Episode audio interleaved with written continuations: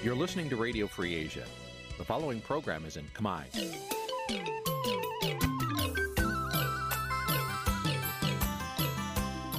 នេះជាកម្មវិធីផ្សាយ Vuthu Azizi Serai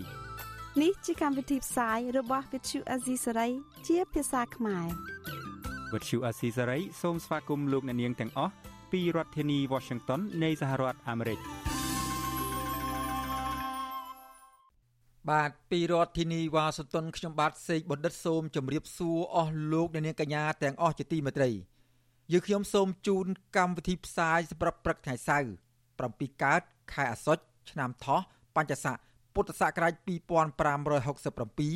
ត្រូវនៅថ្ងៃទី21ខែតុលាគ្រិស្តសករាជ2023បាទជាដំបូងនេះសូមអញ្ជើញអស់លោកអ្នកនាងស្ដាប់ព័ត៌មានប្រចាំថ្ងៃដែលមានមេតិការដូចតទៅ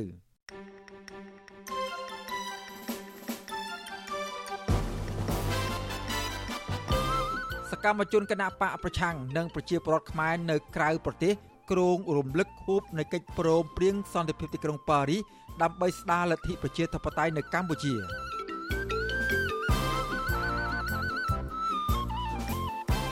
អ្នកគាំទ្រស្នើឲ្យតុលាការដោះលែងលោកថាច់សេដ្ឋា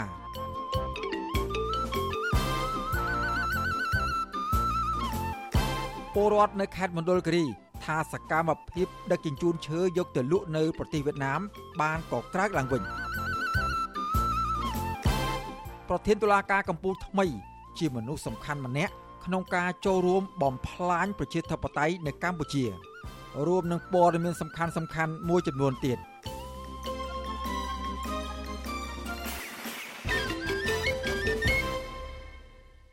បាទជាបន្តទៅទៀតនេះខ្ញុំបាទសេកបណ្ឌិតសូមជូនព័ត៌មានពិស្ដា បាទលោកនាងកញ្ញាជាទីមេត្រី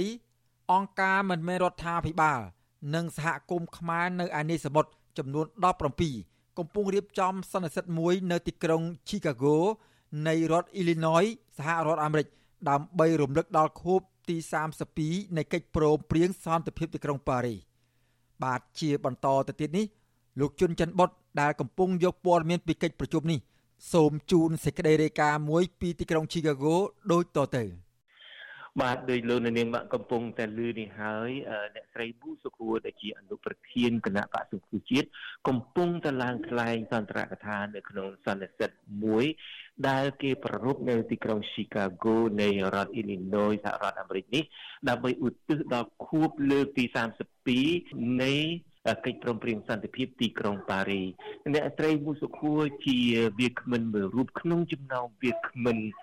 មួយចំនួនទៀតដែលចូលរួមអ្នកខ្លះក៏ចូលរួមដោយផ្ទាល់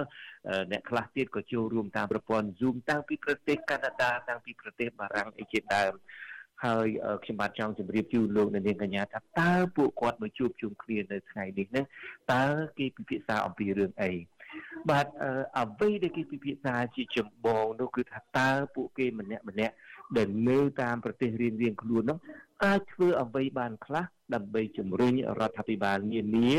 ដែលខ្លួនកំពុងរស់នៅនឹងងាកមកយកចិត្តទុកដាក់ដល់បញ្ហាកម្ពុជាឡើងវិញ បាទអ្វីធ្វើទៅពួកគាត់មិនសូវជាមានសង្ឃឹមច្រើនទេថាបណ្ដាប្រទេសហត្ថលេខី នៃកិច្ចព្រមព្រៀងសន្តិភាពទីក្រុងប៉ារីនេះអាចកោះប្រជុំគ្នាឡើងវិញដើម្បីពិនិត្យមើលការអនុវត្តនៃកិច្ចព្រមព្រៀងសន្តិភាពទីក្រុងប៉ារីនេះក៏ដោយក៏ពួកគាត់ព្យាយាមតាមលទ្ធភាពដែលធ្វើទៅបានក្នុងការទៀមទាឲ្យអ្នកនយោបាយនៃប្រទេសដែលពួកគាត់កំពុងស្នាក់នៅ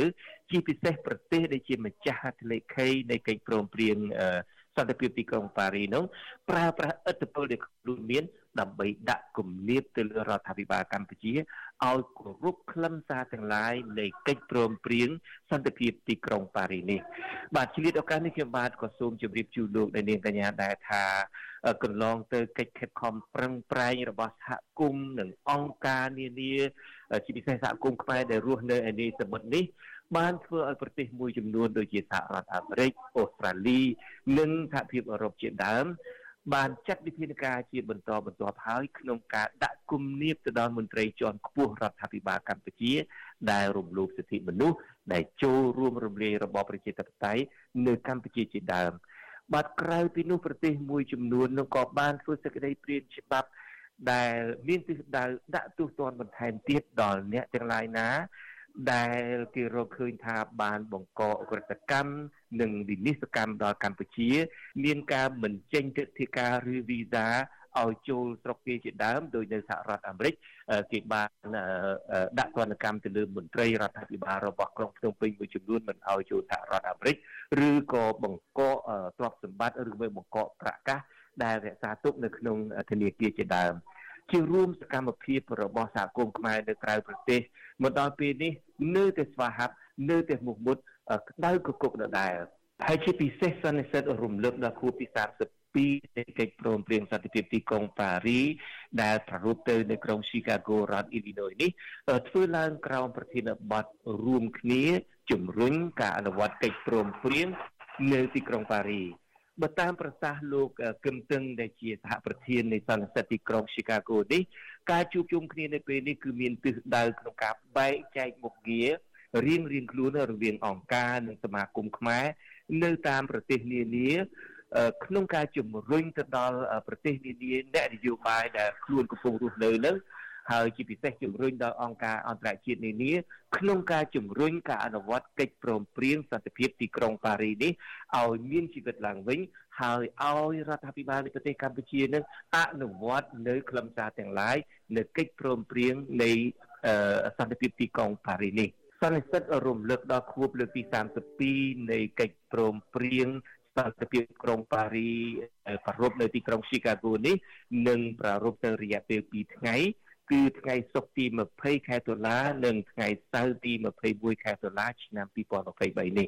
បាទខ្ញុំជុនច័ន្ទវុឌ្ឍមានសេចក្តីរាយការណ៍អំពីរឿងនេះពីក្រុង Chicago នៃរដ្ឋ Illinois សហរដ្ឋអាមេរិកបាទលោកអ្នកនាងកញ្ញាជាទីមេត្រីតកតូននឹងការប្រពខួប32ឆ្នាំនៃកិច្ចព្រមព្រៀងសន្តិភាពទីក្រុងប៉ារីនេះដែរសកម្មជនគណៈបកប្រឆាំងនិងពលករខ្មែរដែលរស់នៅក្នុងប្រទេសថៃត្រៀមនឹងរៀបចំពិធីរំលឹកខួប32ឆ្នាំ នៃកិច្ចព្រមព្រៀងសន្តិភាពទីក្រុងប៉ារីសនៅសប្តាហ៍នេះដើម្បីជំរុញទៅសហគមន៍អន្តរជាតិឲ្យជួយរកដំណោះស្រាយរឿងចំនួននយោបាយនៅកម្ពុជា មន្ត្រីសង្គមស៊ីវិលមើលឃើញថា រយៈពេល32ឆ្នាំក្រោយមានកិច្ចព្រមព្រៀងសន្តិភាពទីក្រុងប៉ារីសកម្ពុជាមិនទាន់សម្រេចបានគោលដៅនៃស្មារតីកិច្ចព្រមព្រៀងនេះនៅឡើយទេ ជាពិសេសតាក់ទងនឹងរឿងប្រជាធិបតេយ្យនិងការគោរពសិទ្ធិមនុស្សបាទយើងប្រកូលនាទីនេះ ជូនដល់លោកទីនសាការីយ៉ាជាអ្នករាយការណ៍ជូនលោកនាងអំពីរឿងនេះពីរដ្ឋធានីវ៉ាស៊ីនតោនសកម្មជនគណបកប្រឆាំងនឹងក្រុមពលករនៅប្រទេសថៃនឹងរៀបចំពិធីរំលឹកខួប32ឆ្នាំនៃកិច្ចព្រមព្រៀងសន្តិភាពទីក្រុងប៉ារីស23ដុល្លារឆ្នាំ1991ដើម្បីជំរុញដល់ប្រទេសថៃដែលជាភាគីហត្ថលេខីនៃកិច្ចព្រមព្រៀងនេះពិនិត្យនឹងក្រៅរំលឹកដល់រដ្ឋាភិបាលកម្ពុជាឲ្យអនុវត្តតាមកាតព្វកិច្ចអន្តរជាតិឲ្យបានត្រឹមត្រូវពិធីដែលរៀបចំនៅក្នុងខេត្តសមុទ្រប្រាកាន នៅរសៀលថ្ងៃទី22ខែតុលាខាងមុខនេះនឹងមានជនរងគ្រោះដោយសារការធ្វើទុកបុកម្នេញពីអាជ្ញាធរក្រុងភ្នំពេញរួមទាំងតំណាងគណៈបកភ្លើងទៀនមកពីកម្ពុជាចូលរួមផងដែរតំណាងគណៈកម្មការជនភៀសខ្លួនរបស់គណៈបកភ្លើងទៀនប្រចាំនៅប្រទេសថៃលោកខឹមមនីកសលបានប្រាប់វិទ្យុអេស៊ីសរ៉ៃថារដ្ឋាភិបាលកម្ពុជារដ្ឋបတ်សិទ្ធិសេរីភាពសកម្មជននយោបាយសកម្មជនដីធ្លីនិងសកម្មជនសង្គមផ្សេងទៀតគឺជាទង្វើផ្ទុយពីស្មារតីនៃកិច្ចព្រមព្រៀងសន្តិភាពនៅក្រុងប៉ារីស23ដុល្លារ លោកបន្តថាខ្លឹមសារនៃកិច្ចព្រមព្រៀងនេះនៅតែមានសារៈសំខាន់និងជាមូលដ្ឋានគ្រឹះសម្រាប់អ្នកនយោបាយគ្រប់ភាគីឲ្យងាកមកជជែកដោះស្រាយបញ្ហាជាតិស្ដារលទ្ធិប្រជាធិបតេយ្យនិងគោរពសិទ្ធិមនុស្សស្របតាមស្មារតីនៃកិច្ចព្រមព្រៀងសន្តិភាពទីក្រុងប៉ារីសឡើងវិញ។ ការគ្រប់គ្រងរបស់លោកហ៊ុនសែនបន្តមកដល់កូនរបស់គាត់ទៀតនេះมันបានឈរនៅលើស្មារតីនៃកិច្ចព្រមព្រៀងទីក្រុងប៉ារីសជនភៀសខ្លួនដែលយើងកំពុងតែរងទុក្ខវេទនានេះគឺបើយើងសង្ឃឹមឲ្យរដ្ឋាភិបាលរបស់លោកហ៊ុនសែននិងលោកហ៊ុនម៉ាណែតគាត់គាត់កែប្រែគឺយើងគ្មានសង្ឃឹមទេដូច្នេះហើយយើងមានតែពឹងពាក់ទៅលើប្រទេសដែលជាម្ចាស់ហត្ថលេខីហ្នឹងធ្វើយ៉ាងណាជួយឬក៏ប្រើឥទ្ធិពលរបស់ខ្លួនដើម្បីឲ្យទៅពលហ៊ុនហ្នឹងគាត់គោរពមកនៃកិច្ចព្រមព្រៀង វិញដើម្បីជាប្រយោជន៍ដល់ប្រជាពលរដ្ឋកម្ពុជាយើងទាំងមូលរីឯតំណាងពលករនិងជាអ្នកគាំទ្រគណៈបកភ្លើងទៀនម្នាក់លោកឆនសុខឿនថ្លែងថាកម្មករខ្មែរភ័យច្រើនចង់ឃើញកម្ពុជាគោរពសិទ្ធិមនុស្សនិងប្រជាធិបតេយ្យពិតប្រាកដលោកបញ្ជាក់ទៀតថាក្នុងឱកាសរំលឹកខួប32ឆ្នាំលើកនេះតំណាងកម្មករមកពីតំបន់នានានៅក្នុងប្រទេសថៃនឹងរៀបរាប់អំពីខ្លឹមសារសំខាន់សំខាន់នៃកិច្ចព្រមព្រៀងសន្តិភាពទីក្រុងប៉ារីស និងករណីដែលរដ្ឋាភិបាលកម្ពុជាបានរំលោភបំពានកន្លងទៅដើម្បីស្នើទៅដល់ភាគីពាក់ព័ន្ធជួយដោះស្រាយលោកបញ្ជាក់ថាបញ្ហារំលោភសិទ្ធិមនុស្សកន្លងមកនេះបានជះឥទ្ធិពលអវិជ្ជមានដល់សិទ្ធិសេរីភាព និងផលប្រយោជន៍របស់ប្រជាពលរដ្ឋដែលនាំឲ្យប្រជាពលរដ្ឋរងគ្រោះនិងបង្ខំចិត្តធ្វើចំណាកស្រុកមករកការងារធ្វើនៅក្រៅប្រទេសដោយសារតែបញ្ហាជីវភាពជាដើម។ រដ្ឋខ្មែរមើលឃើញថាមិនមែនមានសិទ្ធិសេរីភាពឬក៏ប្រជាធិបតេយ្យពេញលេញទេគឺមានតែនឹងបបោមាត់ពួកគាត់តែប៉ុណ្ណោះតែឯចំណែកពលរដ្ឋទូទៅគឺរងគ្រោះពលរដ្ឋខ្មែរនិងបងប្អូននៅប្រទេសថៃហ្នឹងនឹងរៀបចំការរំលឹកខួបលើកទី32នេះឡើងដើម្បីបង្ហាញទៅអន្តរជាតិ ជាពិសេសនោះគឺឲ្យប្រទេសដែលម្ចាស់ហត្ថលេខីទាំងប៉ុន្មានហ្នឹងគាត់ជួយមើលឃើញថាពលរដ្ឋខ្មែរមិនដែលភ្លេចសន្ធិសញ្ញាកិច្ចព្រមព្រៀងសន្តិភាពទីក្រុងប៉ារីសទេអញ្ចឹងគឺឲ្យពួកគាត់ឃើញហើយនឹងទៅក្រើនរំលឹកឬក៏ទៅឲ្យរដ្ឋាភិបាលហ៊ុនសែននេះគាត់ធ្វើតាមកិច្ចព្រមព្រៀងសន្តិភាពទីក្រុងប៉ារីសទន្ទឹមនឹងនេះតំណាងសកម្មជននយោបាយសកម្មជនដីធ្លីនិងតំណាងក្រុមពលករខ្មែរធ្វើការនៅប្រទេសថៃ ក៏ក្រុងនាំគ្នារៀបចំចេញដាក់ញត្តិនៅតាមស្ថានទូតមួយចំនួនប្រចាំនៅទីក្រុងបាងកកដែលជាប្រទេសម្ចាស់ហត្ថលេខីនៃកិច្ចព្រមព្រៀងសន្តិភាពទីក្រុងប៉ារីសដែរមានដូចជានៅស្ថានទូតអាមេរិកបារាំងកាណាដានិងចិនជាដើមតើតើនឹងបញ្ហានេះវិទ្យុអាស៊ីសេរីមិនអាចតតងប្រធានអង្គភិបអ្នកនាំពាក្យរដ្ឋាភិបាលលោកប៉ែនបូណានិងអ្នកនាំពាក្យគណៈបកប្រជាជនកម្ពុជាលោកសុកអេសានដើម្បីសំសួរអំពីបញ្ហានេះបានទេនៅថ្ងៃទី20ដុល្លារ កន្លងទៅអតីតនាយករដ្ឋមន្ត្រីលហ៊ុនសែនបានផ្ទេរអំណាចឲ្យកូនប្រុសគឺលោកហ៊ុនម៉ាណែតធ្លាប់ប្រកាសថាកិច្ចព្រមព្រៀងសន្តិភាពទីក្រុងប៉ារីស23ដុល្លារបានស្លាប់ទៅហើយក្រោយពីសភាធម្មនុញ្ញបានដាក់បញ្ចូលខ្លឹមសារកិច្ចព្រមព្រៀងនេះចូលទៅក្នុងរដ្ឋធម្មនុញ្ញដែលជាច្បាប់កម្ពុជារបស់ជាតិលោកហ៊ុនសែនក៏ធ្លាប់ប្រមានវាយខ្នោះចំពោះអ្នកណាដែលហ៊ានចោទលោកថាលោកបកស្រាយកិច្ចព្រមព្រៀងសន្តិភាពទីក្រុងប៉ារីសនេះខុសទៀតផងទោះជាយ៉ាងណាមន្ត្រីអង្គការសង្គមស៊ីវិល និងអ្នកជំនាញកិច្ចព្រមព្រៀងសន្តិភាពទីក្រុងប៉ារីសនៅតែចាត់ទុកកិច្ចព្រមព្រៀងនេះគឺមានសារៈសំខាន់ដរាបណាកម្ពុជាអនុវត្តលទ្ធិប្រជាធិបតេយ្យមិនបានពេញលេញទេនោះហើយកិច្ចព្រមព្រៀងនេះនៅតែមានសុពលភាពជានិច្ចសម្រាប់អន្តរជាតិនិងសម្រាប់ប្រជាពលរដ្ឋកម្ពុជាគិតមកទល់ពេលនេះកិច្ចព្រមព្រៀងសន្តិភាពទីក្រុងប៉ារីស23ដុល្លារឆ្នាំ1991មានអាយុកាល32ឆ្នាំហើយកិច្ចព្រមព្រៀងសន្តិភាពទីក្រុងប៉ារីសនេះ បានជួយប្រែក្លាយកម្ពុជាពីប្រទេសដែលដាច់ដោចដោយសារសង្គ្រាម ទៅជាប្រទេសដែលមានការអភិវឌ្ឍចាក់គ្រឹះសន្តិភាពនាំមកនូវប្រជាធិបតេយ្យការឯកភាពជាតិបង្រួបបង្រួមជាតិព្រមទាំងការផ្លាស់ប្តូរសេដ្ឋកិច្ចទីផ្សារសេរីលើសពីនេះទៀតកិច្ចព្រមព្រៀងនេះក៏ជាឯកសារដ៏សំខាន់ជាអន្តរជាតិក្នុងទិសដៅការពារអធិបតេយ្យភាពឯករាជ្យភាពអព្យាក្រឹតភាព និងបូរណភាពទឹកដីកម្ពុជា សម្រាប់ខ្មែរគ្រប់ចំនួន បើទោះបីជាបែបនេះក្តីរដ្ឋាភិបាលរបស់លោកហ៊ុនសែននិងកូនប្រុសរបស់លោកគឺលោកហ៊ុនម៉ាណែតបានរងការរិះគន់ថាព្យាយាមលុបបំបាត់កិច្ចព្រមព្រៀងនេះពីព្រោះត្រកូលហ៊ុនកំពុងតែដឹកនាំប្រទេសទៅរករបបផ្ដាច់ការតពូជផ្ទុយពីអ្វីដែលមានចែងនៅក្នុងកិច្ចព្រមព្រៀងនេះជំវិញនឹងរឿងនេះអ្នកនាំពាក្យសមាគមការពារសិទ្ធិមនុស្សអាត់ហុកលោកសង្សានករណាមានប្រសាសន៍ថារដ្ឋាភិបាលមានកាតព្វកិច្ចនឹងការពារស្មារតីនៃកិច្ចព្រមព្រៀងសន្តិភាពទីក្រុងប៉ារីសឲ្យបានត្រឹមត្រូវប៉ុន្តែប្រមាណឆ្នាំចុងក្រោយមកនេះ សហគមន៍ជាតិនិងអន្តរជាតិតែងតែរិះគន់រដ្ឋាភិបាលកម្ពុជាដែលធ្វើឲ្យលទ្ធិប្រជាធិបតេយ្យធ្លាក់ចុះខ្លាំងជាពិសេសរំលោភសិទ្ធិពលរដ្ឋសិទ្ធិនយោបាយដែលប្រឆាចពីស្មារតីនៃកិច្ចព្រមព្រៀងសន្តិភាពទីក្រុងប៉ារីសនិងច្បាប់កម្ពុជារបស់កម្ពុជាគឺរដ្ឋធម្មនុញ្ញទោះជាយ៉ាងណាលោកសង្ឃឹមថាប្រទេសដែលជាម្ចាស់ហត្ថលេខីនឹងទទួលយកសំណើរបស់ក្រុមអង្គការសង្គមស៊ីវិលនិងប្រជាពលរដ្ឋខ្មែររស់នៅក្នុងនិងក្រៅប្រទេសយកទៅពិនិត្យ ដើម្បីជំរុញឲ្យរដ្ឋាភិបាលកម្ពុជាអនុវត្តឲ្យបានពេញលេញនៃកិច្ចព្រមព្រៀងសន្តិភាពទីក្រុងប៉ារីសនេះពេលដែលខ្លួនបានផ្ដល់ ហត្ថលេខីទៅលើលិខិតទុបករណាមួយឬក៏កិច្ចព្រមព្រៀងណាមួយហ្នឹងគឺត្រូវមានទួនាទីក្នុងការគោរពនិងការពារស្មារតីទាំងអស់នោះឲ្យទទួលបាននៅអ្វីដែលជាប្រសិទ្ធភាពឬក៏លទ្ធផលដែលកិច្ចព្រមព្រៀងហ្នឹងបានមូលមាត់គ្នាធ្វើឡើងហើយបើយើងពិនិត្យមើលអំពីការអនុវត្តជាក់ស្ដែងយើងឃើញហើយនាពេលកន្លងមកគឺនៅរងការរិះគន់ច្រើនពាក់ព័ន្ធទៅនឹងបញ្ហាគោរពសិទ្ធិមនុស្ស ហើយនឹងពាក់ព័ន្ធទៅនឹងរឿងប្រជាធិបតេយ្យការបោះឆ្នោតការរំលោភទៅលើសិទ្ធិអ្នកនយោបាយជាដើមហើយរយៈពេលប្រមាណឆ្នាំចុងក្រោយនេះប្រជាពលរដ្ឋខ្មែរទាំងក្នុងនិងក្រៅប្រទេសក្រុមអង្គការសង្គមស៊ីវិលអាយក្រិចអង្គការអន្តរជាតិនិងប្រទេសហត្ថលេខីមួយចំនួនបានធ្វើសកម្មភាពផ្សេងផ្សេងគ្នា ដើម្បីទាមទារឲ្យរដ្ឋាភិបាលកម្ពុជាគគោរពកិច្ចព្រមព្រៀងសន្តិភាពទីក្រុងប៉ារីសជាពិសេសប្រទេសហត្ថលេខីមួយចំនួន ដូចជាអាមេរិកអូស្ត្រាលីបារាំងអង់គ្លេសនិងជប៉ុនជាដើមតែងតែលើកឡើងជាចំហថារដ្ឋាភិបាលកម្ពុជាមិនទាន់អនុវត្តកិច្ចព្រមព្រៀងសន្តិភាពទីក្រុងប៉ារីសឲ្យបានពេញលេញនៅឡើយទេហើយចំណុចខ្វះខាតទាំងនោះគួរតែត្រូវបានពិនិត្យនិងពិចារណាឡើងវិញក្រមប្រទេសប្រជាធិបតេយ្យទាំងនោះបញ្ជាក់ច្បាស់ច្បាស់ទៀតថាពួកគេនៅតែឈរជាមួយបរដ្ឋខ្មែរដែលចង់បានការអភិវឌ្ឍការគោរពសិទ្ធិមនុស្សនិងលទ្ធិប្រជាធិបតេយ្យពិតប្រាកដ ស្របតាមស្មារតីនៃកិច្ចព្រមព្រៀងសន្តិភាពទីក្រុងប៉ារីសនិងរដ្ឋធម្មនុញ្ញរបស់កម្ពុជាខ្ញុំបាទទីនសាការីយ៉ាអស៊ីសេរីប្រធានីវ៉ាស៊ីនតោនបាទលោកនាងជាទីមេត្រី នៅឯប្រទេសកាណាដាឯនោះវិញប្រជាពលរដ្ឋកាណាដា មានដើមកំណើតខ្មែរក៏នឹងធ្វើមហាបាតកម្មនៅទីក្រុងអូតាវ៉ាដើម្បីទាមទារឲ្យរដ្ឋាភិបាលលោកហ៊ុនម៉ាណែតគោរពកិច្ចព្រមព្រៀងសន្តិភាពទីក្រុងប៉ារីស បាតកម្មដែលមានអ្នកចូលរួមមកពីគ្រប់ទិសទីនៃប្រទេសកាណាដានេះនឹងធ្វើឡើងនៅខាងមុខមន្ទីររដ្ឋសភា នៅព្រឹកថ្ងៃសៅរ៍ទី21ខែតុលានេះម៉ោងនៅប្រទេសកាណាដា បាទក្រុមបាតកោក៏ជំរុញទៅរដ្ឋាភិបាលកាណាដាដែលជាភាគីហត្ថលេខីនៃកិច្ចព្រមព្រៀងសន្តិភាពទីក្រុងប៉ារីសនោះឲ្យទទួលខុសត្រូវនិងជំរុញឲ្យរបបដឹកនាំដោយត្រកូលហ៊ុនងាកមកគោរពសិទ្ធិមនុស្សនិងលទ្ធិប្រជាធិបតេយ្យ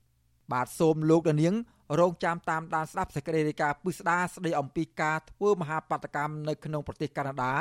ដែលរៀបចំឡើងដោយពលរដ្ឋខ្មែរកាណាដានៅទីនោះកុំបីខាន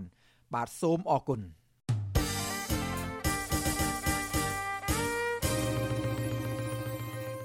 បាទលោកនាងកញ្ញាជាទីមេត្រីឥឡូវនេះយើងក៏លេចមកមើលបញ្ហារបស់ក្រមយុវជនចលនាមេដាធម្មជាតិវិញក្រមយុវជនចលនាមេដាធម្មជាតិហួសចិត្ត ចំពោះភាពយឺតយ៉ាវមិនទាន់ឆ្លើយតបលិខិតស្នើសុំចេញទៅទទួលពានរង្វាន់ Rai Livelihood នៅប្រទេសស៊ុយអែតពីក្រសួងយុទ្ធភ័ព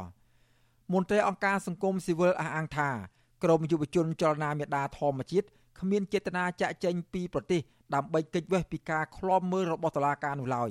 ដូច្នេះក្រសួងយុទ្ធភ័ពគួរអនុញ្ញាតឲ្យពួកគេបានចេញទៅទទួលពានរង្វាន់ដើម្បីលើកកម្ពស់គំរូភាព ពាក់ព័ន្ធនឹងការងារស្ម័គ្រចិត្តការពារបរិស្ថាននៅកម្ពុជា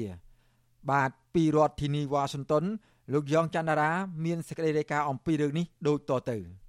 ក្រមយុវជនចលនាមេដាធម្មជាតិស្នើឲ្យរដ្ឋមន្ត្រីក្រសួងយុតិធធលោកកើតរិទ្ធគួរអន្តរាគមន៍ទៅតុលាការអនុញ្ញាតឲ្យពួកគេធ្វើដំណើរទៅប្រទេសស៊ុយអែតឲ្យបានឆាប់ខណៈការប្រារព្ធពិធីប្រគល់ពានរង្វាន់អន្តរជាតិ Rai Livelihood កាន់តែខិតជិតមកដល់យុវជនចលនាមេដាធម្មជាតិលោកថនរដ្ឋា ប្រាប់វិទ្យុអាស៊ីសេរីនៅថ្ងៃទី20តុលាថាលោកហួសចិត្តនៅពេលមន្ត្រីរបស់ក្រសួងយុតិធធប្រាប់លោកថាឯកសារដែលលោកបានស្នើសុំឲ្យរដ្ឋមន្ត្រីក្រសួងយុតិធធអនុញ្ញាតឲ្យរូបលោកកញ្ញាភួនកែវរស្មីនិងកញ្ញាលងគុន្ធាធ្វើដំណើរទៅប្រទេសស៊ុយអែតដើម្បីទទួលពានរង្វាន់ដែលមានតម្លៃប្រហាក់ប្រហែលពានរង្វាន់អន្តរជាតិ Nobel សន្តិភាពមិនទាន់បានទៅដល់ដៃរដ្ឋមន្ត្រីក្រសួងយុតិធធនៅឡើយខណៈការដាក់ញត្តិធ្វើឡើងតាំងតែពីថ្ងៃទី6ខែតុលា លោកបន្តថាដោយសារវត្តមានក្រមយុវជនចលនាមេដាធម្មជាតិទៅទទួលពានរង្វាន់លើឆាកអន្តរជាតិអាចនឹងឆ្លុះបញ្ចាំងអំពីការលើកកម្ពស់ការគោរពសិទ្ធិមនុស្សនិងលំហសេរីភាពការងារសង្គមស៊ីវិលនៅកម្ពុជាផងនោះក្រសួងយុតិធធគួរតែផ្ដល់ការអនុញ្ញាតឲ្យពួកលោកបានចេញទៅទទួលពានរង្វាន់ឲ្យបានឆាប់ជាជាងបន្តពន្យាពេលឬមិនអនុញ្ញាតដែលនាំឲ្យរដ្ឋាភិបាលកាន់តែមានកេរ្តិ៍ឈ្មោះមិនល្អលើឆាកអន្តរជាតិ យើងសនំពោឲ្យអាយដាមរដ្ឋមន្ត្រីក្រសួងយុតិធធហ្នឹងគួរណាស់តែពន្លឿនតែឆ្លើយព្រមឬមិនព្រមហ្នឹងគួរតែលឿនក្នុងការឆ្លើយបើទោះបីជាគាត់ព្រមតែបើសិនជាគាត់ឆ្លើយយីពេលអាហ្នឹងវាស្មើនឹងមិនព្រមដដែលដែលធ្វើឲ្យមានការរិះគន់ពីមជ្ឈដ្ឋានជាតិអន្តរជាតិពីមហាជនជំវិញអ្វីដែលគាត់បានធ្វើដែលមិនឲ្យយុវជនចលនាមេដាធម្មជាតិអាចមានឱកាសទៅទទួលពានរង្វាន់កិត្តិយសនេះសម្រាប់ពិភពលោកបាន ប្រតិកម្មរបស់ក្រមយុវជនចលនាមេដាធម្មជាតិបែបនេះធ្វើឡើងក្រោយពីមន្ត្រីរដ្ឋបាលនៃក្រសួងយុតិធធបានឆ្លើយតបទៅកាន់ក្រមយុវជនថាឧបនាយករដ្ឋមន្ត្រីនិងជារដ្ឋមន្ត្រីក្រសួងយុតិធធលោកកើតរិទ្ធមិនទាន់បានពិនិត្យញត្តិរបស់ក្រមយុវជនមេដាធម្មជាតិនៅឡើយដោយសារតែជាប់រវល់បំពេញការងារផ្សេងផ្សេងការឆ្លើយតបនេះធ្វើឡើងនៅពេលសកម្មជនចលនាមេដាធម្មជាតិលោកថនរដ្ឋានិងកញ្ញាភួនកែវរស្មី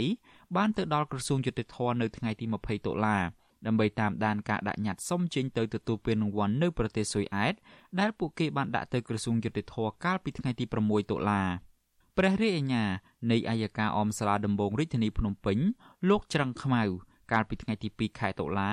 បានសម្រេចមិនអនុញ្ញាតឲ្យយុវជនចលនាមេដាធម្មជាតិទាំង3នាក់នេះបានធ្វើដំណើរចេញទៅក្រៅប្រទេសដើម្បីទទួលបានពានរង្វាន់នោះឡើយដោយលើកហេតុផលថាគ្មានភាពចាំបាច់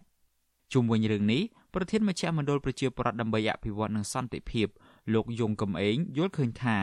ក្រមយុវជនចលនាមេដាធម្មជាតិគ្មានចេតនាចង់គេចវេះពីការឃ្លាំមើលរបស់តុលាការឡើយដូច្នេះក្រសួងយុតិធធគួរតែអនុញ្ញាតឲ្យពួកគេបានចេញទៅទទួលពានរង្វាន់ឲ្យបានឆាប់ដើម្បីឲ្យពួកគេរៀបចំឯកសារ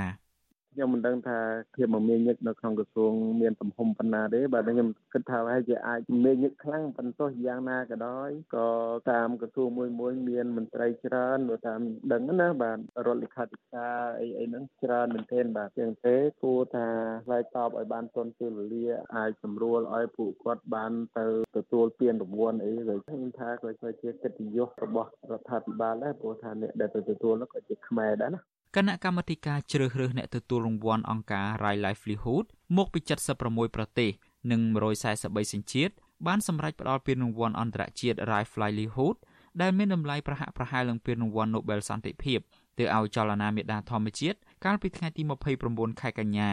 ចំពោះវីរភាពដ៏ក្លាហានរបស់ពួកគេលើកកិច្ចការពីបរិស្ថាន លើកកម្ពស់សិទ្ធិមនុស្សនៅកម្ពុជាបើទោះបីជាត្រូវប្រឈមមុខទៅនឹងការបង្ក្រាបជាបន្តបន្ទាប់ពីសំណាក់រដ្ឋាភិបាលយ៉ាងណាក្តីអង្គការ Rai Livelihood បានតម្រូវឲ្យសកម្មជនចលនាមេដាធម្មជាតិទាំង3នាក់រួមមានកញ្ញាភួនកែរស្មីកញ្ញាឡុងគុន្ធានិងលោកថនរដ្ឋាតំណាងឲ្យចលនាមេដាធម្មជាតិធ្វើដំណើរទៅទទួលពានរង្វាន់អន្តរជាតិនៅទីក្រុងស្តុកហូមប្រទេសស៊ុយអែត ដោយត្រូវធ្វើដំណើរចាប់ពីថ្ងៃទី24ខែវិច្ឆិកានិងត្រឡប់មកកម្ពុជាវិញនៅថ្ងៃទី1ខែធ្នូឆ្នាំ2023ខ្ញុំយ៉ងច័ន្ទដារាវិទ្យុអាស៊ីសេរី Washington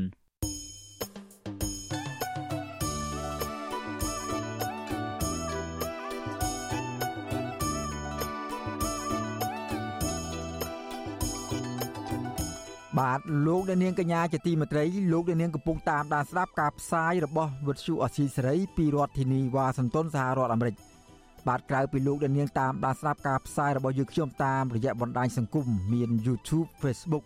និងបណ្ដាញសង្គមថ្មីរួមមាន Telegram និង Instagram នោះលោកអ្នកនាងក៏អាចស្ដាប់ការផ្សាយរបស់យើងខ្ញុំតាមរយៈវិទ្យុរលកធារកាសខ្លីឬ Shortwave បានដែរបាទពេលព្រឹកចាប់ពីម៉ោង5កន្លះដល់ម៉ោង6កន្លះ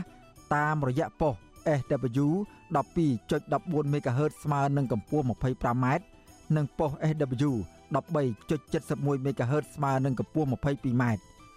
នៅពេលយប់ចាប់ពីម៉ោង7កន្លះដល់ម៉ោង8កន្លះតាមរយៈប៉ុស SW 9.33 MHz ស្មើនឹងកម្ពស់ 32m ប៉ុស SW 11.88 MHz ស្មើនឹងកម្ពស់ 25m និងប៉ុស SW 12.15 MHz ស្មើនឹងកម្ពស់ 25m បាទសូមអរគុណ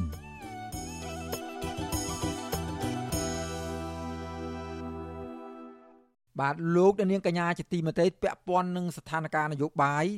និងស្ថានភាពរបស់គណៈបកប្រឆាំងចុងក្រោយនាពេលបច្ចុប្បន្ននេះវិញក្រមពលរដ្ឋរិះគន់តុលាការក្រុងភ្នំពេញថាកំពុងធ្វើឲ្យប្រជាធិបតេយ្យនៅកម្ពុជាដើរថយក្រោយដោយសារតែតុលាការ មិនឈលលើគោលការណ៍អព្យាក្រឹតនិងយកស្ថាប័នរដ្ឋបំរើឲ្យអ្នកមានលុយមានអំណាចប្រតិកម្មនេះធ្វើឡើងបន្ទាប់ពីសាលាដំបងរាជធានីភ្នំពេញបានសម្រេចផ្ដន់ទាទោសលោកថៃសេដ្ឋាអនុប្រធានគណៈបកភ្លើងទៀនឲ្យជាប់ពន្ធនាគាររយៈពេល3ឆ្នាំរឿងលោកនិយាយការពិតពីប្រវត្តិរបស់គណៈបកកាន់អំណាច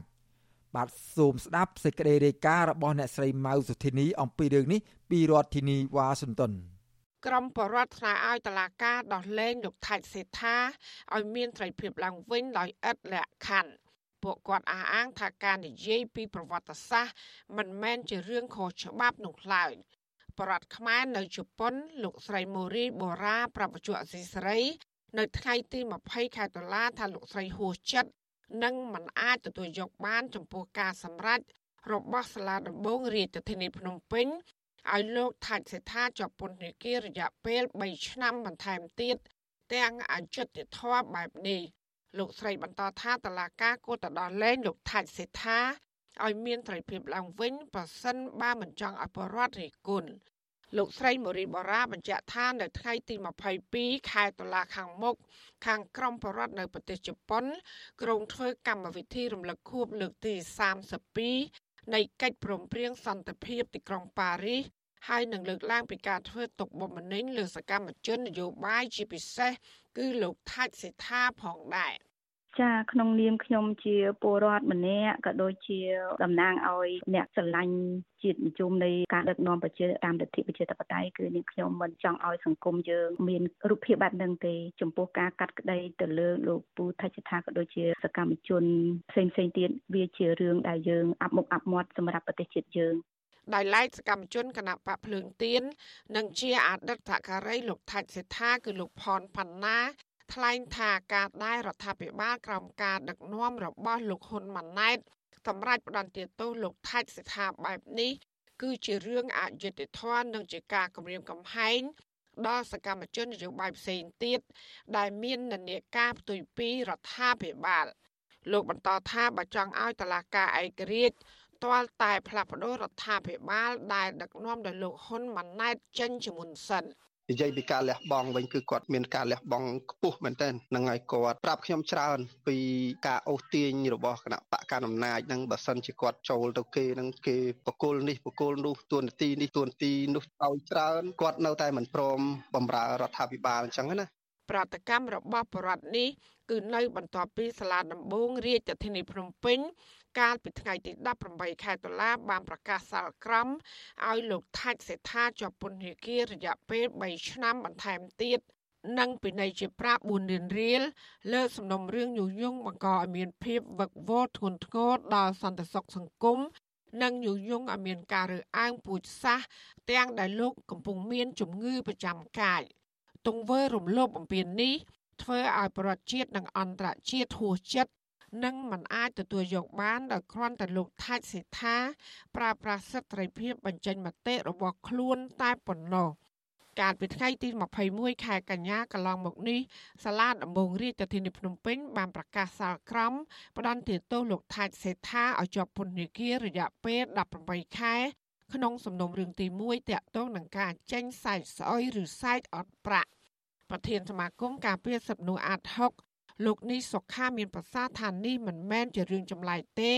ដែលបរដ្ឋចាត់ទុកការសម្រេចរបស់តុលាការគឺជារឿងនយោបាយពីព្រោះកន្លងមកតុលាការមិនដែលឈលលើគោលការណ៍ឯករាជ្យស្រាប់ទៅហើយលោកបន្តថាបញ្ហានយោបាយនេះនឹងធ្វើឲ្យសេដ្ឋកិច្ចកម្ពុជាកាន់តែធ្លាក់ចុះ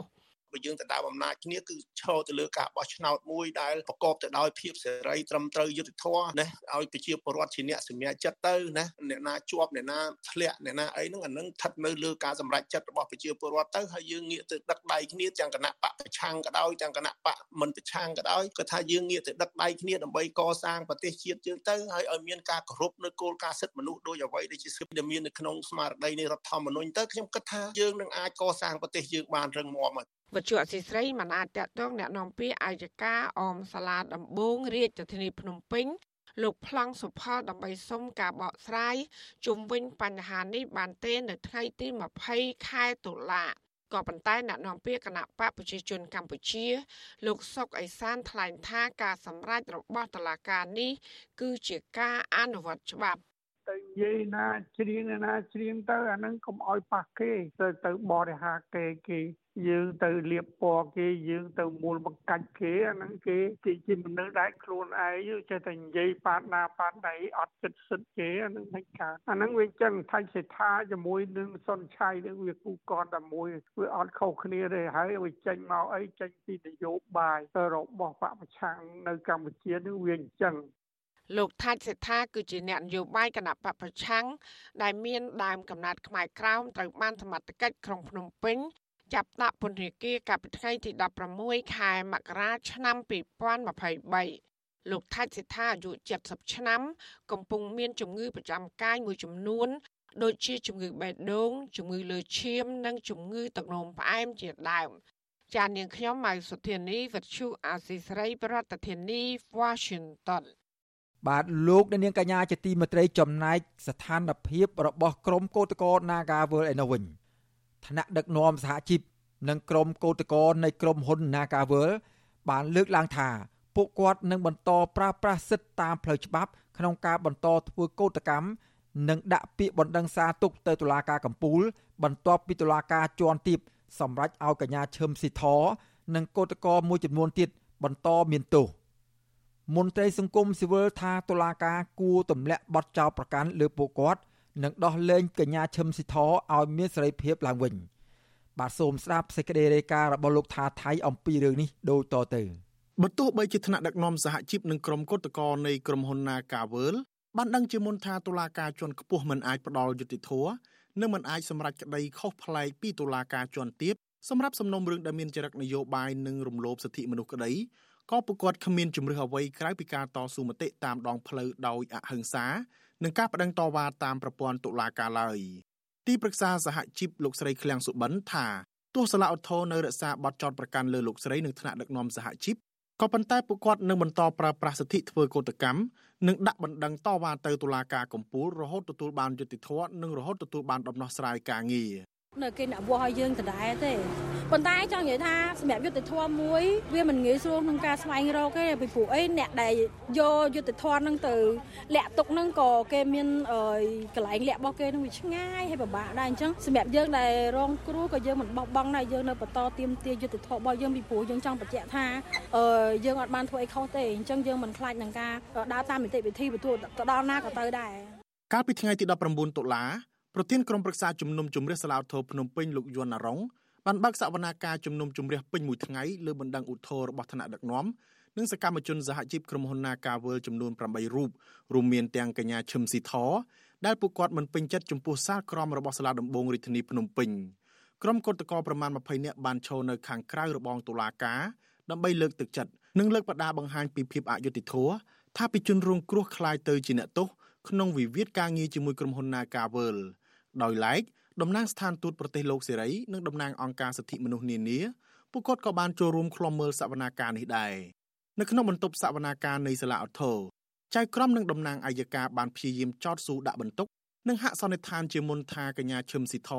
និងសកម្មជនសហជីពទាំងនោះមានទោសដោយមិនគិតទៅលើភាពរងគ្រោះនិងសិទ្ធិសេរីភាពរបស់ពួកគាត់នោះទេ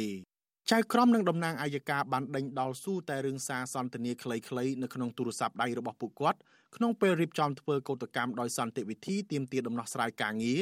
និងរឿងលួយជំនួយពីសប្បុរសជនជាដើមលើសពីនេះតំណាងអัยការលោកអឹមសុផាន បានចោទប្រកាន់កញ្ញាឈឹមស៊ីធម្ដងហើយម្ដងទៀតថាកញ្ញាបានញុះញង់ឲ្យក្រុមកុតកោស្ត្រីចេញតវ៉ាដើម្បីឲ្យអាជ្ញាធរប្រះហិង្សាមកលើស្ត្រីដើម្បីបង្ហាញរូបភាពអាក្រក់ទាំងនេះទៅអន្តរជាតិក៏ប៉ុន្តែលោកមិនបានគិតទៅលើទង្វើរបស់អាជ្ញាធរដែលប្រះអំពើហិង្សាវាយដំទាំងកំរោល បណ្ដាលឲ្យស្ត្រីគុតកោម្នាក់រលូតកូនក្នុងផ្ទៃដោយសារតែពួកគាត់តវ៉ាដោយសន្តិវិធីដើម្បីរកដំណោះស្រាយការងារឡើយកញ្ញាឈឹមស៊ីធដែលមានទឹកមុខស្លេកស្លាំងឈរក្នុងរង្វង់ក្រចកសេះបានឆ្លើយថាសារសន្ទនាខ្លីៗក្នុងទូរស័ព្ទដៃដែលសមត្ថកិច្ចរឹបអូសក្នុងពេលចាប់ខ្លួននោះត្រូវបានសមត្ថកិច្ចកាត់ចេញពីខ្លឹមសារពេញក្នុងន័យដាក់បន្ទុកមកលើក្រុមសហជីព ហើយកញ្ញាឈឹមស៊ីធបន្តថាសារសន្ទនានោះគឺពួកគាត់គ្រាន់តែប្រជុំដើម្បីធានាថាគ្រប់កោតកម្មគឺសន្តិវិធីចំពោះលុយជំនួយវិញកញ្ញាឈឹមស៊ីធនិងជនចាប់ចោតផ្សេងទៀតអះអាងថាក្រុមកម្មការបានទទួលពីសប្បុរសជននិងអង្គការអន្តរជាតិមួយចំនួនដូចជាអង្គការសិទ្ធិស្ត្រីនិងអង្គការការពារសិទ្ធិកម្មករជាដើមគឺដើម្បីជួយពួកគាត់ដែលបានបាត់បង់ការងារធ្វើក្នុងអំឡុងពេល COVID-19 និងសម្រាប់ទិញអង្ករទឹកដោះគោកូននិងអាហារប៉ុណ្ណោះ ពួកគាត់បន្ថែមថាសម្រាប់ថវិកាធ្វើកោតកម្មវិញមានដូចជាបដាឬឧបករណ៍ផ្សេងផ្សេងទៀតគឺពួកគាត់រៃអង្គាសពីសមាជិកសហជីពបន្ថែមពីនេះមុនពេលប្រកាសសាលដីកាកញ្ញាឈឹមស៊ីធបានសំណូមពរថាប្រសិនបើពួកគាត់គ្រាន់តែអនុវត្តសិទ្ធិតាមច្បាប់តែប្រែក្លាយជាបទល្មើសវិញគឺជារឿងអយុត្តិធម៌បំផុតបន្ទាប់ពីសវនាការប្រធានក្រុមប្រឹក្សាជំនុំជម្រះសាលាឧទ្ធរភ្នំពេញលោកយន្តរងបានសម្រេចដំកល់សាលក្រមរបស់សាលាដំបងរាជធានីភ្នំពេញដែលបានផ្ដន់ទាទោស កញ្ញាឈឹមស៊ីធដាក់ពន្ធនាគាររយៈពេល2ឆ្នាំដដែលចំណែកលោកស្រីឈឹមសុខនលោកស្រីសុនស្រីពេជ្រលោកស្រីហៃសុភីបលោកស្រីឃ្លាំងសុបិននិងកញ្ញាទូចសេរីមាសត្រូវផ្ដន្ទាទោសដាក់ពន្ធនាគាររយៈពេល18ខែប៉ុន្តែតម្រូវឲ្យស្ថិតក្រោមការត្រួតពិនិត្យរបស់តុលាការដោយមិនឃុំខ្លួនក្នុងពន្ធនាគារតុលាការក៏សម្រេចផ្ដន្ទាទោសដាក់ពន្ធនាគាររយៈពេល1ឆ្នាំលើលោកស្រីរីសវណ្ណឌីលោកសុកណារិតនិងលោកសុកគង្គាក៏ប៉ុន្តែទោសជាប់ពន្ធនាគារត្រូវព្យួរ ក្រោយស្ដាប់ការប្រកាសសាលដីកានេះកញ្ញាឈឹមស៊ីធបានបង្ហាញការហួសចិត្តដោយសារនៅតែមិនអាចទទួលបានយុត្តិធម៌ពីប្រព័ន្ធតុលាការអនុប្រធានសហជីពប្រចាំនៅក្រុមហ៊ុន Nagavel គឺកញ្ញាឈឹមសខនបានលើកឡើងថាការសម្រេចនេះគឺជារឿងអយុត្តិធម៌ហើយបើទោះបីជាពួកគាត់ទាំង7នាក់នៅក្រៅឃុំតែពួកគាត់ស្ថិតក្រោមការត្រួតពិនិត្យរបស់តុលាការប្រៀបដូចជាជាប់គុកឥតចិញ្ចៀងដែរ អារម្មណ៍សោកស្ដាយហើយខកចិត្តដែលប្រព័ន្ធតឡាការស្រុកយើងនឹងគឺអត់បានផ្ដល់ភាពយុត្តិធម៌ដល់អ្នកដែលស្អាតស្អំហើយពួកបងធ្វើការងារនិយាយទៅពួកបងធ្វើការងារសហជីពនេះគឺជាការងារសង្គមហើយការងារជួយដល់ប្រជាពលរដ្ឋកម្មករដែលគាត់រងគ្រោះដោយសារការរំលោភសិទ្ធិពីតកែអីនឹងឯងអញ្ចឹងយើងអត់ដូចជាអត់មានចង់និយាយវាមិនមែនការងារណាដែលធ្វើឲ្យវាធ្វើមហន្តរាយដល់រដ្ឋាភិបាលនេះគឺជួយការងារសម្រាលរដ្ឋាភិបាលហង សហមេធាវីការពីក្តីឲ្យថ្នាក់ដឹកនាំសហជីពទាំងនេះគឺលោកសំចម្រើនថាលោកនឹងពិភាក្សាជាមួយកូនក្តីនិងសហមេធាវីដទៃទៀតដើម្បីប្តឹងសារទុកទៅតុលាការកំពូលឆាប់ឆាប់ជំវិញករណីនេះនាយកទទួលបន្ទុកកិច្ចការទូតនៃអង្គការឃ្លាំមើលសិទ្ធិមនុស្សលីកាដូលោកអំសំអាតដែលឃ្លាំមើលសវនាការលើកឡើងថាការសម្រេចសេចក្តីរបស់ចៅក្រមគឺជាការបំបិទសិទ្ធិលើពលរដ្ឋដែលទាមទារសិទ្ធិការងារខណៈដែលសកម្មភាពកន្លងមករបស់សហជីព បានធ្វើកុតកម្មដោយសន្តិវិធីតាមច្បាប់បទចោតនេះការផ្ដន់ទាទោសនេះគឺវាជាការរដ្ឋបិទសេរីភាពរបស់សហជីពនៅក្នុងការធ្វើកោតកម្មដោយសន្តិវិធីតាមច្បាប់ការងារហើយជាការរំលោភបំពានទៅលើសិទ្ធិសេរីភាពជាមូលដ្ឋានរបស់ប្រជាពលរដ្ឋដែលធានាដោយរដ្ឋធម្មនុញ្ញនិងបទដ្ឋានអន្តរជាតិដែលកម្ពុជាបានទទួលស្គាល់មួយថ្ងៃក្រោយការកាត់ទោសលើថ្នាក់ដឹកនាំសហជីពទាំងនេះ នាយករងប្រចាំតំបន់អាស៊ីនៃអង្គការឃ្លាំមើលសិទ្ធិមនុស្សអន្តរជាតិ Human Rights Watch លោក Phil Robertson លើកឡើងនៅក្នុងសេចក្តីថ្លែងការណ៍ថារដ្ឋាភិបាលកម្ពុជាប្រើហេតុផលនយោបាយរំលោភសិទ្ធិមនុស្សនិងធ្វើទុកបុកម្នេញលើកញ្ញាឈឹមស៊ីធនិងថ្នាក់ដឹកនាំសហជីពផ្សេងទៀតដោយបំពានលើអនុសញ្ញាអង្គការអន្តរជាតិខាងការងារលោក Phil Robertson បន្ថែមថាក្រមការគៀបសង្កត់លើសិទ្ធិការងារដៃគូពាណិជ្ជកម្មកម្ពុជាគួរតែដាក់លក្ខខណ្ឌឲ្យមានការគោរពសិទ្ធិកម្មករ ដោយចាប់ផ្ដើមពីសហភាពអឺរ៉ុបដែលគួរតែដកប្រព័ន្ធអនុគ្រោះពាណិជ្ជកម្ម EBA បន្ថែមលោក Phil Robertson ថាសហរដ្ឋអាមេរិកអូស្ត្រាលីកាណាដានិងប្រទេសផ្សេងទៀតគូតែចូលរួមទាមទារឲ្យរដ្ឋាភិបាលថ្មីទម្លាក់ចោលការចាត់ប្រកាន់លើកញ្ញាឈឹមស៊ីធនិងថ្នាក់ដឹកនាំសហជីពផ្សេងទៀតនឹងដោះលែងកញ្ញាឈឹមស៊ីធជាបន្ទាន់ខ្ញុំថាថៃពីទីក្រុងមែលប៊នបាទលោកអ្នកនាងកញ្ញាជាទីមេត្រីពាក់ព័ន្ធនឹងប្រព័ន្ធតុលាការនៅប្រទេសកម្ពុជានេះដែរ ប្រធានតុលាការកម្ពុជាថ្មី គឺលោកជីវកេង ជាបុគ្គលគន្លឹះម្នាក់ក្នុងចំណោមមនុស្សសំខាន់មួយចំនួនទៀតក្នុងវិស័យតុលាការ ដែលបានចូលរួមបំផ្លាញប្រជាធិបតេយ្យនៅកម្ពុជា អ្នកខ្លាំមើលមិនរំពឹងថា អ្នកជំនាញផ្នែកច្បាប់រូបនេះយកចំណេះជំនាញរបស់ខ្លួន ដើម្បីបម្រើដល់ពលរដ្ឋពិតប្រាកដនោះឡើយបាទលោកនាងនឹងបានស្ដាប់សេចក្តីរាយការណ៍អំពីប្រវត្តិខ្លះៗរបស់លោកជីវកេងនៅពេលបន្តិចទៀតនេះ បាទសូមអរគុណ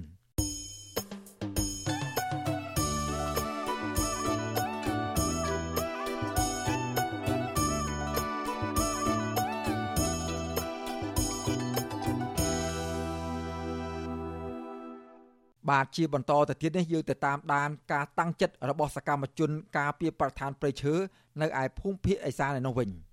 សកម្មជនការពីព្រៃឈើខេត្តរតនគិរីលោកឆនផល្លា ដែលជាប់ពន្ធនាគារជាង2ឆ្នាំដោយសារតែចេញមុខការពីធនធានធម្មជាតិនៅតែរក្សាចំហជាអ្នកការពីព្រៃឈើដដែលបន្ទាប់ពីលោកចាក់ចេញពីពន្ធនាគារសកម្មជនការពីព្រៃឈើរូបនេះសង្កេតឃើញថា ក្នុងពេលលោកជាប់ពន្ធនាគារសកម្មភាពកាប់ឈើមានតម្លៃនិងទុនទ្រានព្រៃក្នុងដែនជំរកសត្វព្រៃលំផាត់បានកើតមានយ៉ាងពេញលំហឹងបាទសូមស្ដាប់សេចក្តីរាយការណ៍របស់លោកយ៉ងច័ន្ទរាអំពីរឿងនេះ ពីរដ្ឋធានីវ៉ាស៊ីនតោនសកម្មជនព្រៃឈើខេត្តរតនគិរីលោកឆនផល្លាបដិញ្ញាបដូរជីវិតមិនរាថយចំពោះការងារស្ម័គ្រចិត្តការពារព្រៃឈើដោយគ្មានប្រាក់ខែនៅក្នុងគោលបំណងការពារភោគទ្រព្យជាតិដែលជាប្រភពសេដ្ឋកិច្ចរបស់សហគមន៍និងជំរកវប្បធម៌ជនជាតិដើមភាគតិចទំពួនសកម្មជនការពារព្រៃឈើវ័យ43ឆ្នាំរូបនេះបានស្ម័គ្រចិត្តការពារព្រៃឈើតាំងពីឆ្នាំ2016 ហើយលោកប្រឈមនឹងឧបសគ្គជាច្រើនជាមួយនឹងអាជ្ញាធរមូលដ្ឋានដែលទទួលសំណូកពីបទល្មើសព្រៃឈើជាថ្នូវអនុញ្ញាតឲ្យមានចំនួនឈើឆ្លងដែនដឹកជញ្ជូនទៅកាន់ប្រទេសវៀតណាមលោកឈុនផល្លាប្រាប់វិទ្យុអាស៊ីសេរីនៅថ្ងៃទី20តុលាថាក្នុងពេលដែលសមត្ថកិច្ចចាប់ខ្លួនលោកដាក់ពន្ធនាគារដែនជំរកសត្វព្រៃលំផាត់នៅចំណុចភ្នំអាតនិងព្រៃតំបន់ផ្សេងទៀតក្បែរនោះ បានคล้ายជាវាលល្វឹងល្វើយអស់រាប់ពាន់ហិកតា លោកចាំថា ព្រៃឈើនៅតំបន់នោះកាលពីលោកមិនទាន់ជាប់ពន្ធនាគារនៅសេសសល់ច្រើនបាទខ្ញុំនៅតែបន្តក្នុងការតស៊ូការពារធនធានធម្មជាតិសម្បត្តិសាធារណៈរបស់រដ្ឋបន្តទៅទៀតអត់ដេញអត់រាថយទេបាទពេលដែលតឡាការខេត្តរតនគិរីបានដាក់ចាប់ខ្លួនខ្ញុំឃុំខ្លួនខ្ញុំដោយបណ្ឌិតរឿងមិនពិតហ្នឹងដាក់ពន្ធនាគាររយៈពេល2ឆ្នាំ16ថ្ងៃ កន្លងទៅសាលាឧទ្ធរត្បូងឃ្មុំបានប្រកាសច្រានចោលសាលក្រមសាលាដំបងខេត្តរតនគិរីចំនួន2សំណុំរឿងក្រោមបទចោទកាប់រៀនដីព្រៃឈូសឆាយនិងហុំព័ទ្ធកាន់កាប់ដីព្រៃនិងបទផ្ដាំគំនិតកាប់គាស់រុករៀនដីព្រៃឆ្កាដុតនិងឈូសឆាយដីព្រៃដើម្បីយកធ្វើជាកម្មសិទ្ធិដែលត្រូវជាប់ពន្ធនាគារសរុប11ឆ្នាំក្រោមបណ្ដឹងរបស់អាជ្ញាធរខេត្តរតនគិរី សាលាឧទ្ធរប្រចាំតំបន់ខេត្តត្បូងឃ្មុំចាត់ទុកសាលក្រមរបស់សាលាដំបងខេត្តរតនគិរីជាអាសាបងដោយលើកហេតុផលថារោគមិនឃើញកំហុសដោយការចោទប្រកាន់ឡើយសកម្មជនការពារព្រៃឈើលោកឈុនផល្លាធ្លាប់ប្តឹងបរិហាអាជ្ញាធរពាក់ព័ន្ធឈ្មោះឈើនិងមន្ត្រីជំនាញទៅតុលាការខេត្តរតនគិរីចំនួន7សំណុំរឿងហើយនៅក្នុងនោះមាន3សំណុំរឿងសាលាដំបងខេត្តនេះដំកល់ឥតចាត់ការសំណុំរឿងទាំងនោះភាគច្រើនជាបណ្ដឹងបរិហាអាជ្ញាធរ ពាក់ព័ន្ធពីបទអនុគ្រោះបទល្មើសព្រៃឈើនិងមិនទប់ស្កាត់ការកាប់រានដីព្រៃខុសច្បាប់កាលពីខែកក្កដាឆ្នាំ2020អាជ្ញាធរមូលដ្ឋានខេត្តរតនគិរីបានគៀកោក្រមប្រជាពលរដ្ឋរាប់រយនាក់ព្រួតគ្នាវាយលោកឈុនផាឡាបណ្ដាលឲ្យរងរបួសធ្ងន់ដើម្បីគំរាមបង្ខំឲ្យលោកដកពាក្យបណ្ដឹងពីតុលាការ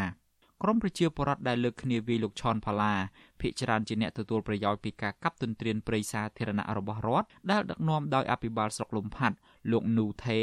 មេឃុំសេដាលោកអង្គប៊ុនធៀងនិងក្រុមប្រឹក្សាឃុំនិងមេភូមិក្រោយមកលោកឈុនផល្លានិងក្រុមគ្រួសារបានប្តឹងជន់ដៃដល់នឹងអាជ្ញាធរទាំងនោះទៅសមត្ថកិច្ចក៏ប៉ុន្តែគ្មានចំណាត់ការឡើយប្រពន្ធសកម្មជនការពារព្រៃឈើលោកឈុនផល្លាគឺលោកស្រីខំសាឡុងប្រាប់វិទ្យុអាស៊ីសេរីថាលោកស្រីគាំទ្រការងារប្តីរបស់លោកស្រីពីព្រោះការងារនេះជាគំរូភាពមួយដាស់ស្មារតីដល់យុវជនចំនួនក្រោយលោកស្រីបញ្ជាក់ថាអំឡុងពេលប្តីរបស់លោកស្រីជាប់ពន្ធនាគារ សកម្មភាពកាប់ឈើនិងទន្ទ្រានព្រៃក្នុងដែនជម្រកសត្វព្រៃលំផាត់កើតឡើងបែបអនាធិបតេយ្យដែលកម្រមានពលរដ្ឋណាហ៊ានចេញមុខការពារព្រៃឈើឡើយ។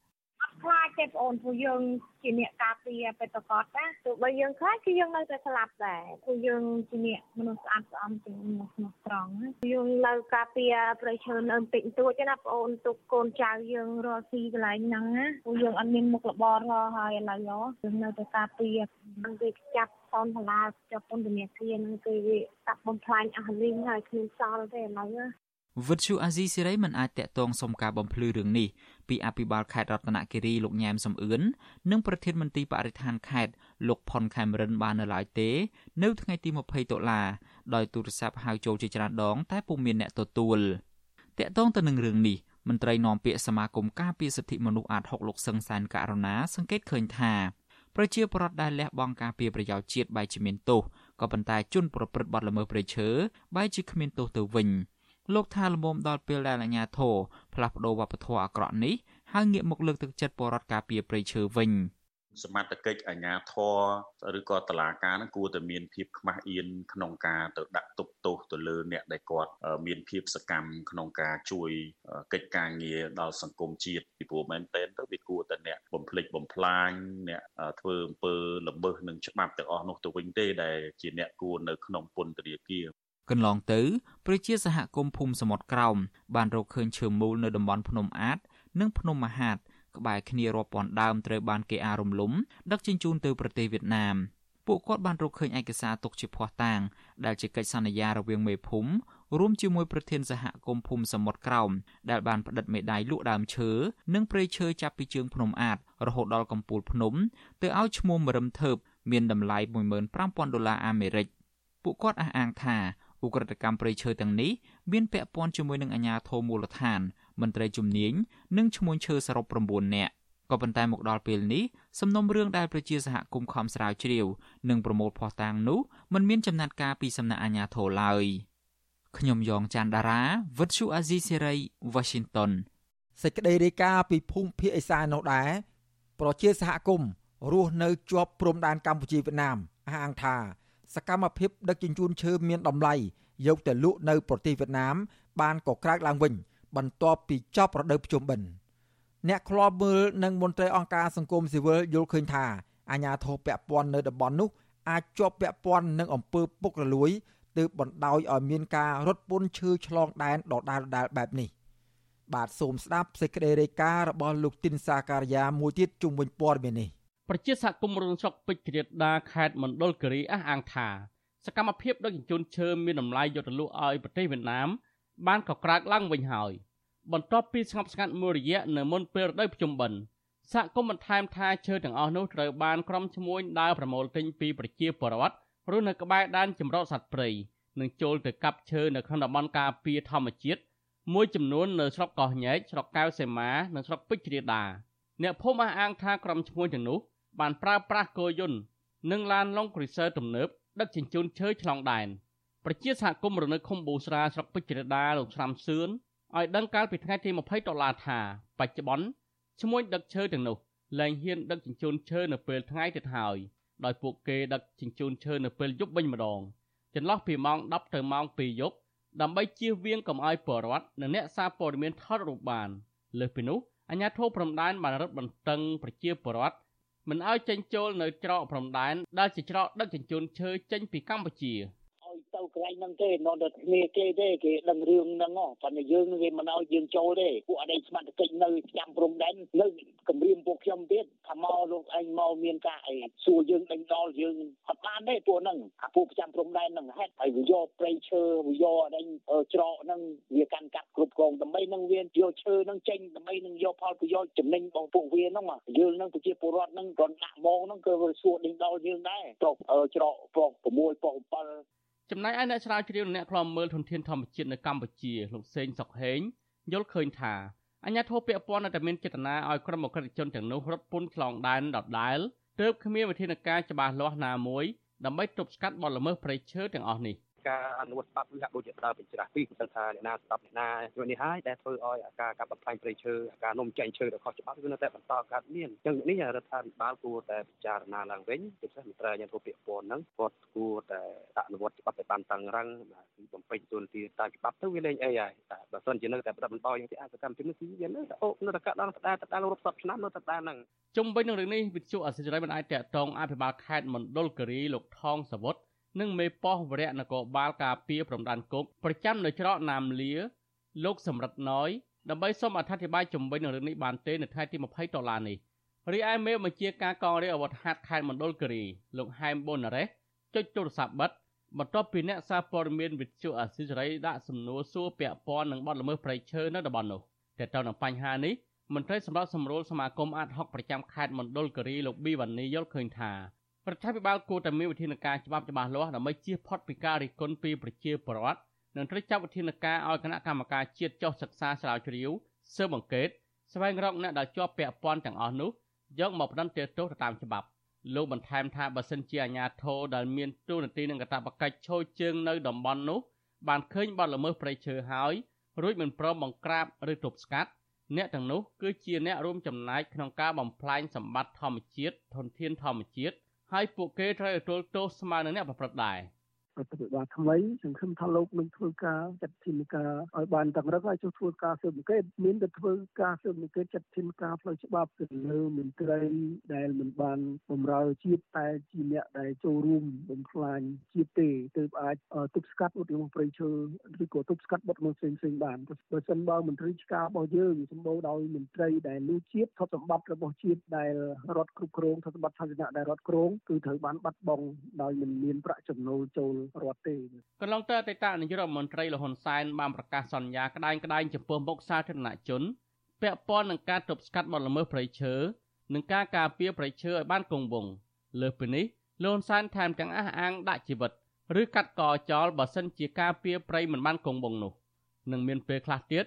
លោកហ៊ុនសែនក៏បញ្ជាឲ្យបាញ់រកែតទៅលើក្រុមល្មើសកាប់ព្រៃឈើថែមទៀតផងប៉ុន្តែរយៈពេលជិត20ឆ្នាំមកនេះ ក្រុមសកម្មជននិងអង្គការអន្តរជាតិតែងតែរកឃើញថាសកម្មភាពកាប់ព្រៃឈើធ្វើអាជីវកម្មនៅតែបន្តកើតមានយ៉ាងអនាថបត័យនៅក្នុងនោះក៏មានជាប់ពាក់ព័ន្ធនឹងក្រុមអង្គការមន្ត្រីជាន់ខ្ពស់នៅក្នុងជួររដ្ឋាភិបាល និងសាច់ញាតិរបស់ត្រកូលហ៊ុនថែមទៀតផងខ្ញុំបាទទីនសាការីយ៉ាអស៊ីសេរីប្រធានីវ៉ាស៊ីនតោន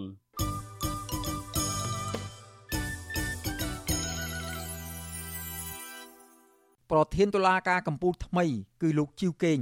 ជាបុគ្គលកលឹះម្នាក់ក្នុងចំណោមមនុស្សសំខាន់មួយចំនួនទៀតក្នុងវិស័យតុលាការដែលបានចូលរួមបំផ្លាញប្រជាធិបតេយ្យនៅកម្ពុជា អ្នកឃ្លាំមើលមិនរំពឹងថា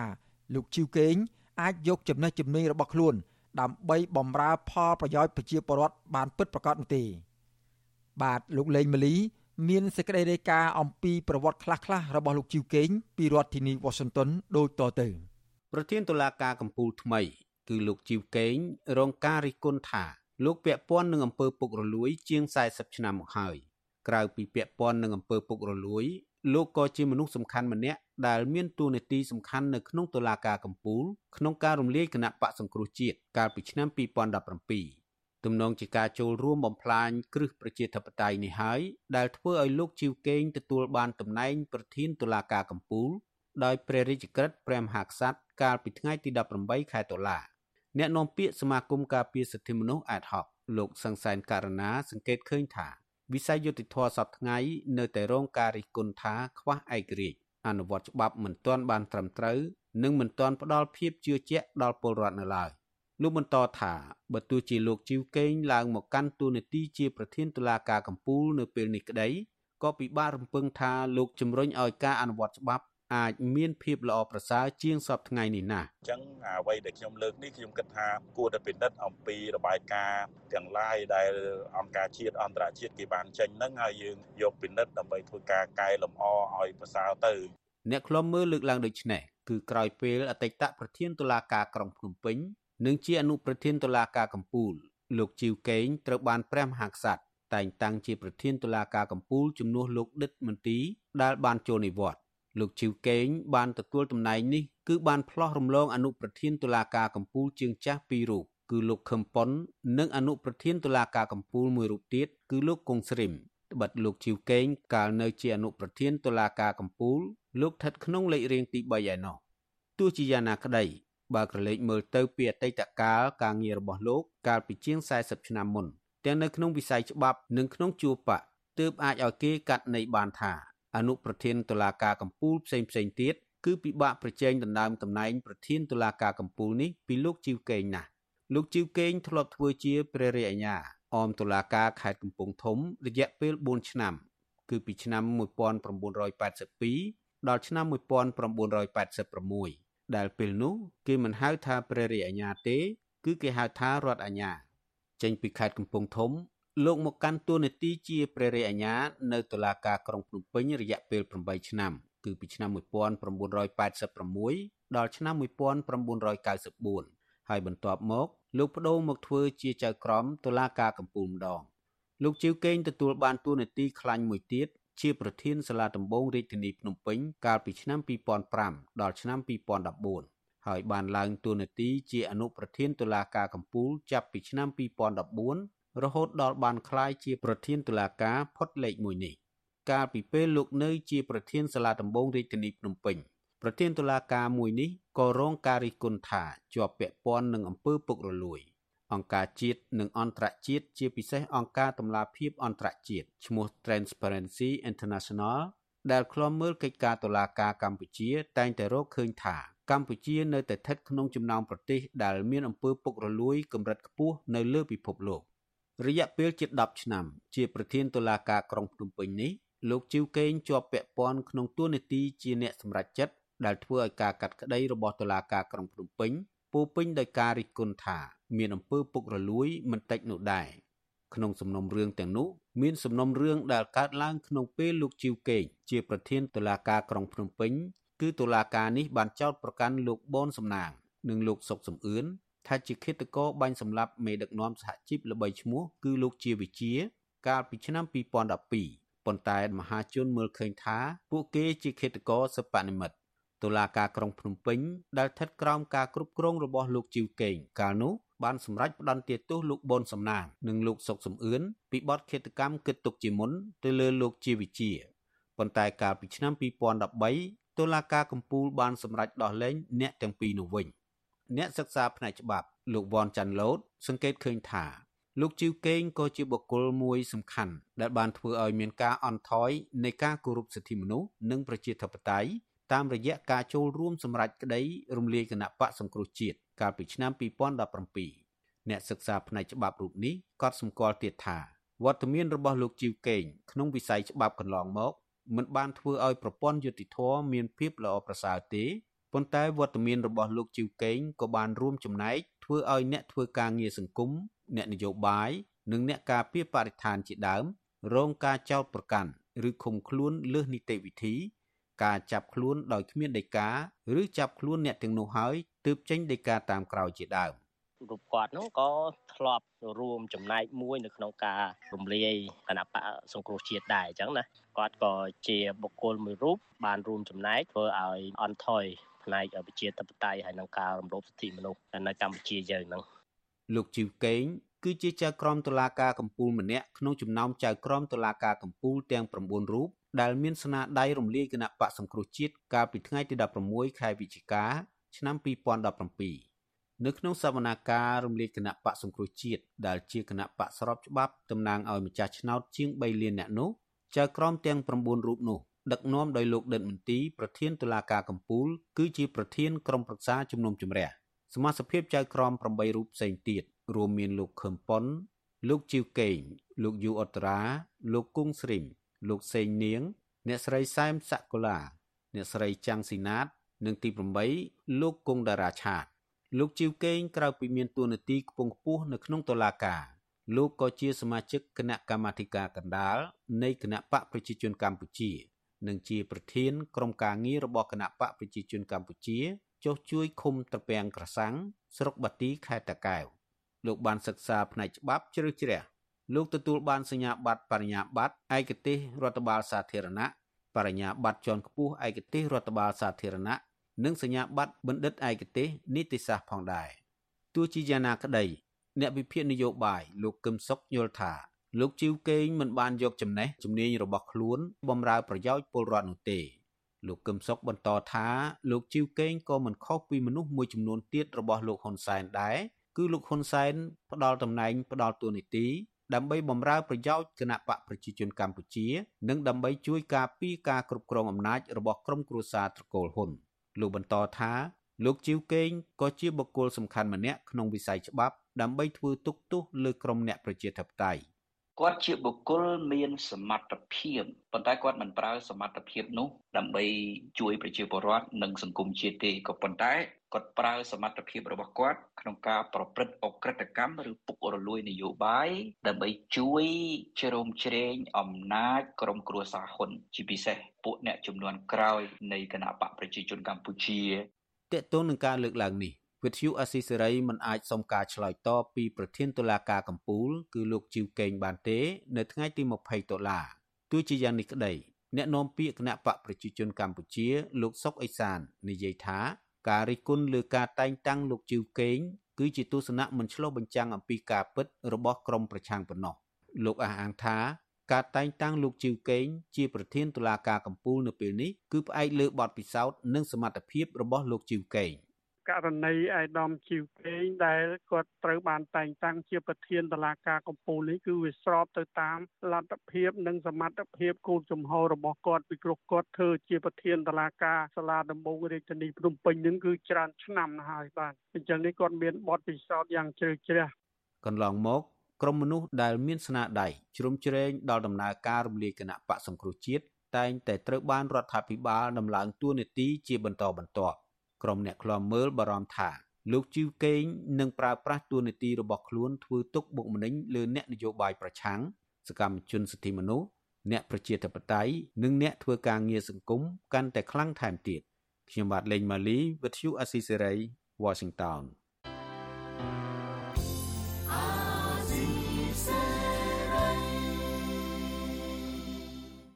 បាទលោកនាងកញ្ញាជាទីមេត្រី ការផ្សាយរយៈពេល1ម៉ោងរបស់វិទ្យុអសីស្រីសម្រាប់ព្រឹកថ្ងៃសៅរ៍នេះបានឈានមកដល់ទីបញ្ចប់ហើយ